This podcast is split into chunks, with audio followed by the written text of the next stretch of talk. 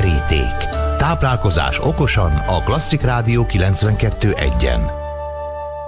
A vonalban Horváth Norbert, gasztrokócs. Szia, szeretettel köszöntelek.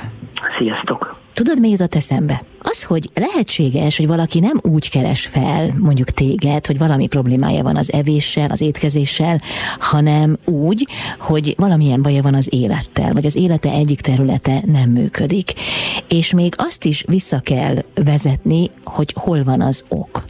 Van ilyen, igen. Ugye erről szól a life coaching, mint, mint segítő tevékenység mivel én ugye az érzelmévé szakértőjeként vagyok így definiálva sokak számára, ezért sok esetben mondjuk abból az irányból szoktak érkezni, viszont nagyon fontos ezt elmondani, mert nagyon fontos megérteni, hogy ez a folyamat ez sosem az étkezésről szól. Tehát ez csak, ez csak egy tünet, nem? Az érzelmi evés egy tünet? Hát én azt szoktam mondani, hogy ez egy következmény. Aha. Tehát ugye ez az okozat, és mi igazából az okkal dolgozunk, és nem az okozattal dolgozunk. Azért nagyon jó a táplálkozás és az étkezés, mert azon keresztül sokkal könnyebben megnyílnak, sokkal hamarabb megnyílnak, hiszen amikor eljössz egy coachingülésre, vagy ugye most már hónapok óta, amikor leülsz egy, egy zoomos coachingülés elé, akkor ott van egy idegen ember, nekem ugye a klienseimnek a szinte 100%-a nő, ott van egy idegen férfi, aki ugye én vagyok, és nem azzal fogod kezdeni, hogy hát figyelj Norbikám, nem megy a pasimmal a szex hanem ugye azt mondja, hogy ez, az, ez, ez is ez az étkezési problémám van, vagy táplálkozási gondom, és elkezdünk beszélgetni. És kb. 20 perc után már sehol nincs az étel. Már ő, őróla beszélünk, már önmagáról beszél, és a táplálkozási szokások azáltal változnak meg, hogy ugye ezen az életterületen, ami neki nem működik, vagy kicsit orvosilag mondva alul működik, dolgozunk, és megoldjuk azokat a problémákat, megváltoztatjuk a szokásokat, és innentől kezdve az értelme nem lesz téma. Uh-huh. Mi az oka annak, hogy jellemzően nők keresnek fel téged?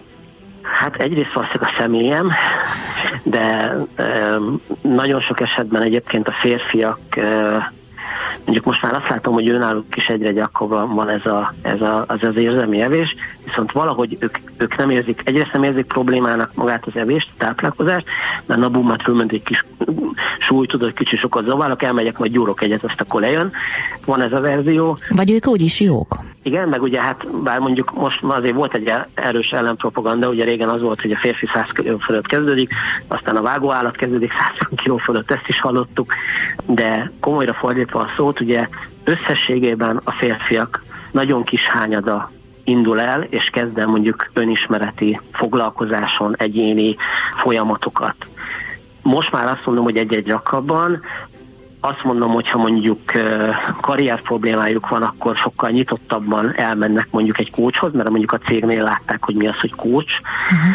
De egyébként az, hogy most egy táplálkozás miatt elmenjen valakihez, tehát ezt látom azokon, akik, én ugye tanítom ezt a gasztrocoachingot, mint módszert, átadom másoknak, és tudják használni és alkalmazni, természetgyógyászat, táplálkozási tanácsadók, stb. stb. És látom, a, ugye ők általában nők, és látom a férjeiket, a párjaikat, és mondják, hogy mi a izéhez, mire jársz te, minek ez? És akkor így mondja, hogy hát táplálkozni, de hogy ez kit érdekel? Úgyhogy ők, ők nehezen kapcsolódnak ugye befelé, ezt, ezt azért gondolom, hogy egyetértünk, és lehet, hogy a hallgatók nagy része most majd készíti a féltéglákat felém. Nehezen kapcsolódnak befelé, és amikor viszont képesek kiadni önmagukat, akkor ezt nagyon sok esetben inkább a barátaiknak teszik meg, kötetlenebb formában ért alkoholos befolyásoltság alatt mondjuk egy szórakozó helyen, vagy mondjuk egy, egy baráti asztaltársaságnál. És akkor ők ott kibeszélik igazából, kiventilálja, és és ugye eleve nincsen olyan nagy fizikai hatással egyébként rá a, például egy, egy, egy túltáplálkozás, mert ugye, hogyha egy nő túltáplálkozik, mondjuk túl sok finomított lisztes dolgot teszik, akkor ugye emésztőrendszere ugye egy idő után elkezd tiltakozni, és mivel ugye egy vonalon mozog az egész emésztőrendszer és a hormonrendszer, és a női hormonrendszer azért egy nagyon finom kis műszer, és ez felborul, akkor minden borul. A férfinál viszont van egy tesztoszteron, ami minden megvédi őt. Uh-huh. De közben az, ha valaki nem néz szembe a problémájával, az nem oldja meg. Ez így van, ahogy mondtad, ha nem néz szembe, akkor nem oldja meg.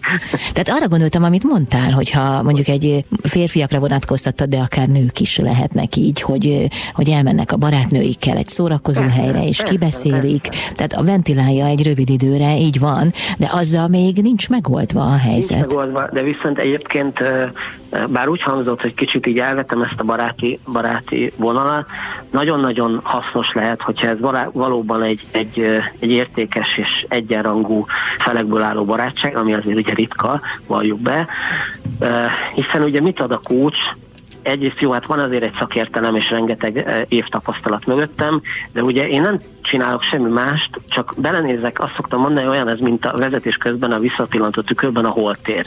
Uh-huh. Én látom a holteredet, és megmutatom neked a holteredet.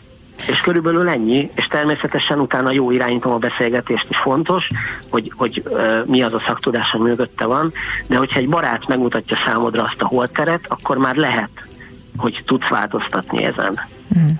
Köszönöm szépen. Én is. Horváth Norbert, gasztrokócs volt a vendégem itt az Intermedzóban.